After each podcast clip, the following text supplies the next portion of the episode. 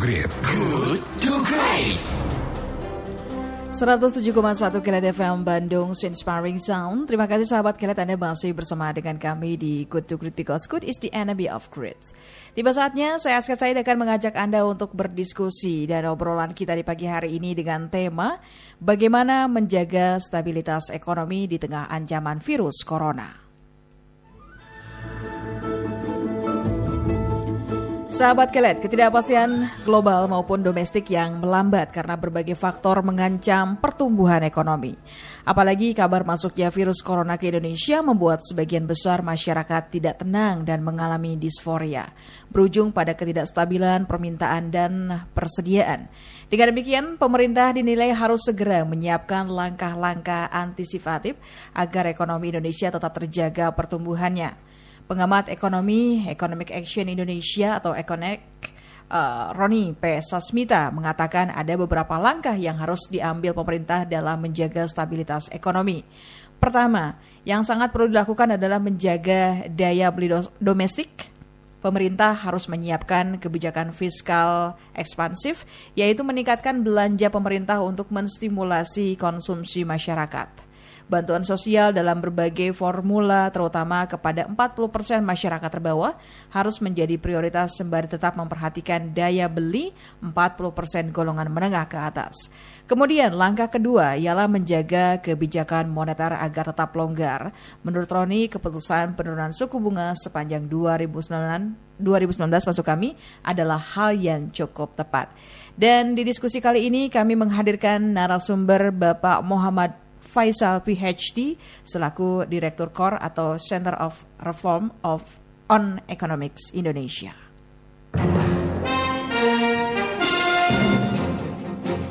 Selamat pagi, Assalamualaikum Pak Faisal. Waalaikumsalam, selamat pagi Mbak Aska dan sahabat Live semua. Luar biasa, apa kabar nih Pak Faisal, sehat? Alhamdulillah baik, sehat Pak. Aha. Ya, Pak Faisal, ini akibat virus corona, ketidakpastian global maupun domestik diperkirakan akan meningkat. Hal ini dikhawatirkan akan mengancam pertumbuhan ekonomi. Nah, dari kacamata KOR, bagaimana situasi perekonomian global terkini pasca wabah corona melanda Cina dan puluhan negara di dunia? Silakan, Pak. Ya, memang kalau kita melihat terutama kondisi terakhir, ini banyak negara, termasuk negara-negara maju seperti Amerika, mm -hmm. yang sudah mulai melakukan pem, uh, prediksi pemangkasan pertumbuhan ekonomi untuk tahun 2020. Sebetulnya di tahun lalu, sebelum ada kasus wabah corona, ini pertumbuhan ekonomi di tahun ini diprediksi lebih baik dibandingkan dengan tahun 2019. Mm -hmm. Nah, tapi setelah uh, wabah corona dan juga melihat perkembangan dalam beberapa bulan terakhir di 2020, nah ini sudah mulai beberapa kali dilakukan pemangkasan sehingga sekarang banyak yang prediksi jauh lebih rendah dibandingkan dengan tahun 2019 pertumbuhan ekonominya. Sebagai contoh, uh, Amerika, uh, baik bukan hanya Amerika, tapi juga banyak negara termasuk Jepang, juga Eropa dan juga Korea, apalagi Cina sendiri, ya ini sudah memangkas pertumbuhan ekonominya jauh lebih rendah. Mm -hmm. Bahkan negara tetangga, tetangga kita, Singapura, itu prediksi ekonominya bahkan bisa sampai minus setengah persen. Untuk tahun 2020 ini ini prediksi terbaru ya sebelum sebelum uh, apa uh, yang sebelumnya itu sebetulnya masih diprediksi positif. Nah kita juga sama sebetulnya jadi banyak uh, kalangan ekonom termasuk kami sendiri memprediksikan sekarang jauh lebih uh, rendah ya. Core sendiri tadinya memprediksikan di tahun ini kita tumbuh 4,9 persen sampai 5 persen itu juga sebetulnya sebelumnya itu lebih rendah dibandingkan 2019. Mm -hmm. Nah sekarang lebih rendah lagi. Jadi uh, maksimal itu 4,9 bahkan bisa sampai 4,7 ya kalau kita melihat kondisi uh, bagaimana uh, wabah corona sekarang mempengaruhi uh, ekonomi dunia dan juga kita. Mm-hmm. Nah, jadi ini saya pikir terjadi di banyak negara dan juga uh, satu lagi uh, beberapa hari yang lalu pekan lalu uh, tetap uh, tepatnya uh, Bank Sentral Amerika uh, Federal Reserve itu melakukan pemangkasan lagi tingkat suku bunganya mm-hmm. bahkan sampai 50 basis poin itu artinya setengah persen mm-hmm. dan ini jarang terjadi ya pemangkasan sam- uh, sampai 50 basis poin biasanya hanya 25 saja basis poin nah ini artinya um, Federal Reserve atau Bank Sentral Amerika membaca perekonomian Amerika ini lebih buruk mm-hmm. dan juga global juga lebih buruk nah, jadi ini uh, melanda saya pikir uh, banyak negara cukup luas ya. Mm-hmm. Nah, melihat kondisi ini, bagaimana dengan Indonesia, hmm. Pak Faisal? Akankah berdampak signifikan?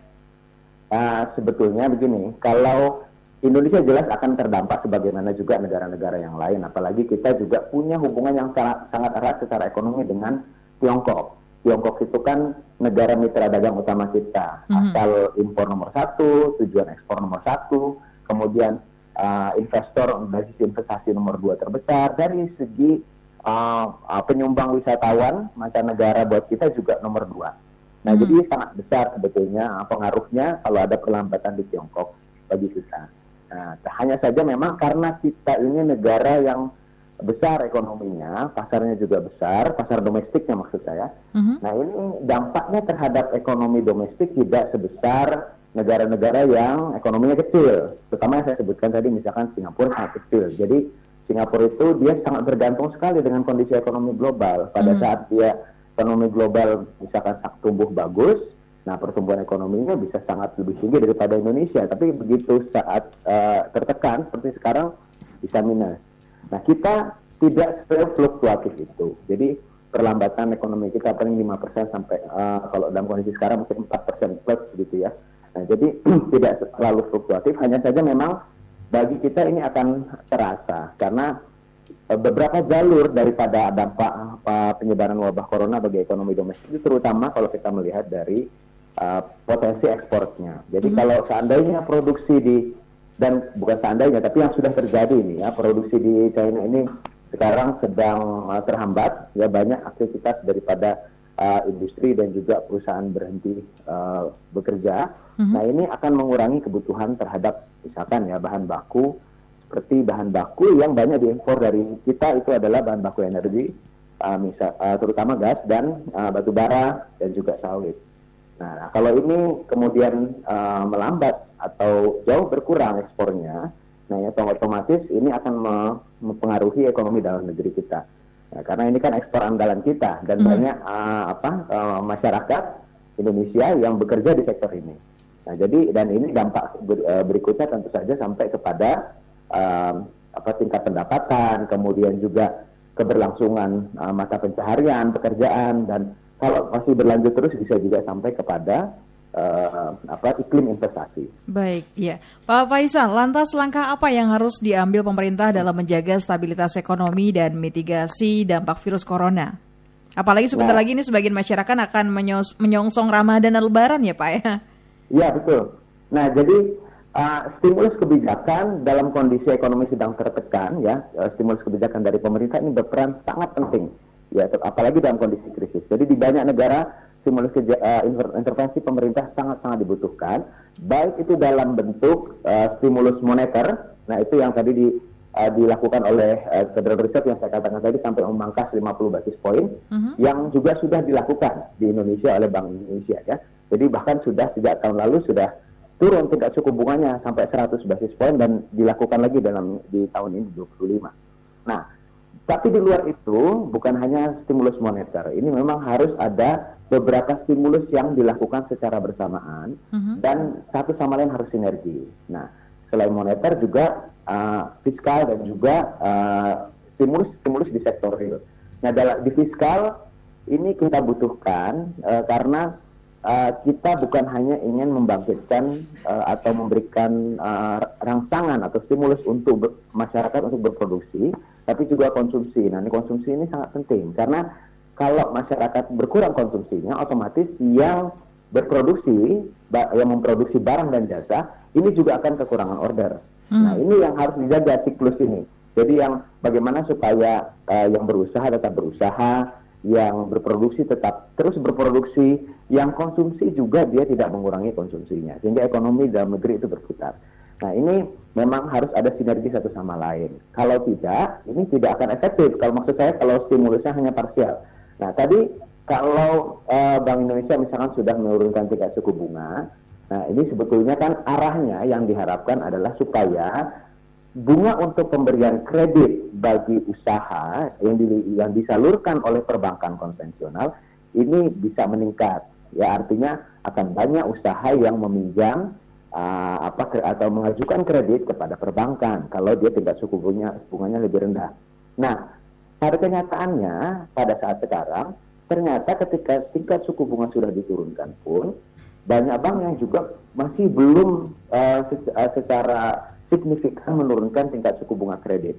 Nah, dan lebih jauh lagi daripada itu, yang meminta kredit di perbankan, permintaan ini ya, demand untuk meminjam, uh, ini juga kurang. Ternyata penurunan tingkat suku bunga itu tidak banyak kemudian men, apa, menstimulus orang untuk atau pengusaha, pelaku usaha untuk meminjam dana di perbankan. Ya karena ternyata demand di dalam negeri yang mempengaruhi usaha mereka itu juga tidak terlalu uh, signifikan sehingga tingkat profitabilitas keuntungannya juga berkurang. Nah sehingga inilah yang saya katakan tadi bahwa harus ada stimulus lain yang bisa mendorong permintaan untuk berkonsumsi maupun juga berproduksi.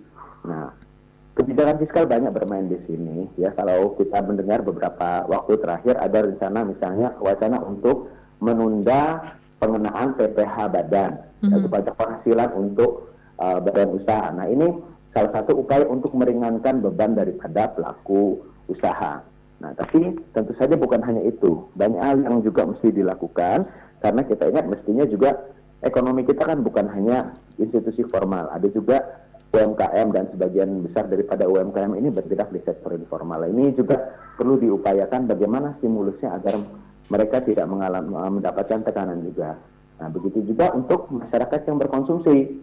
Nah, stimulus bukan hanya dalam bentuk bansos semestinya, tapi juga bagaimana supaya masyarakat ini tetap bekerja. Jadi mereka yang bekerja harus tetap bekerja karena ini mempengaruhi pendapatan mereka. Mm-hmm. Harus diminimalkan seminimal mungkin uh, terjadinya PHK ya karena kalau usaha sedang surut pada saat ekonomi sedang uh, tertekan, biasanya ini akan ada gelombang PHK. Nah ini yang harus dihindari, nah, sehingga dampaknya bagi ekonomi dalam negeri, dampak daripada kasus wabah corona di global ini bagi ekonomi dalam negeri itu bisa diredam. Baik, baik, Pak Faisal. Nah, ini setelah kemarin uh, mengeluarkan kebijakan stimulus antisipasi dampak ekonomi akibat corona pemerintah ya. ya. Dalam waktu dekat kabarnya akan mengucurkan stimulus untuk mengantisipasi dampak virus corona yang semakin terus meningkat sampai ya. ke global. Nah, ini bagaimana ya. tanggapan ya. Anda Pak Faisal?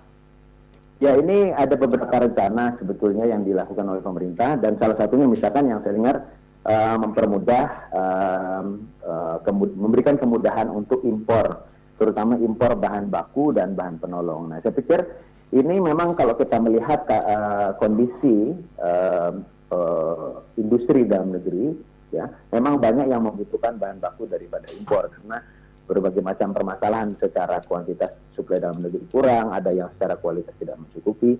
Jadi yang memang pada saat sekarang urgent ya harus uh, apa impor uh, bahan bakunya tidak bisa dialihkan, ini memang harus diberikan kemudahan karena kalau tidak nanti produksinya terhambat.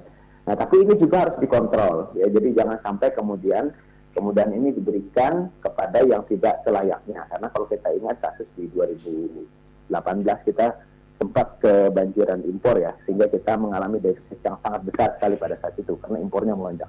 Nah, jadi biar bagaimanapun tetap harus ada kontrol ya terhadap uh, kemudahan impor ini sehingga diberikan secara tepat ya dan tidak berlebihan juga gitu. Baik, Pak Faisal, yang terakhir secara singkat saja, harapan dan masukan Anda pada uh, pemerintah uh, bagaimana menjaga stabilitas ekonomi di tengah ancaman virus corona?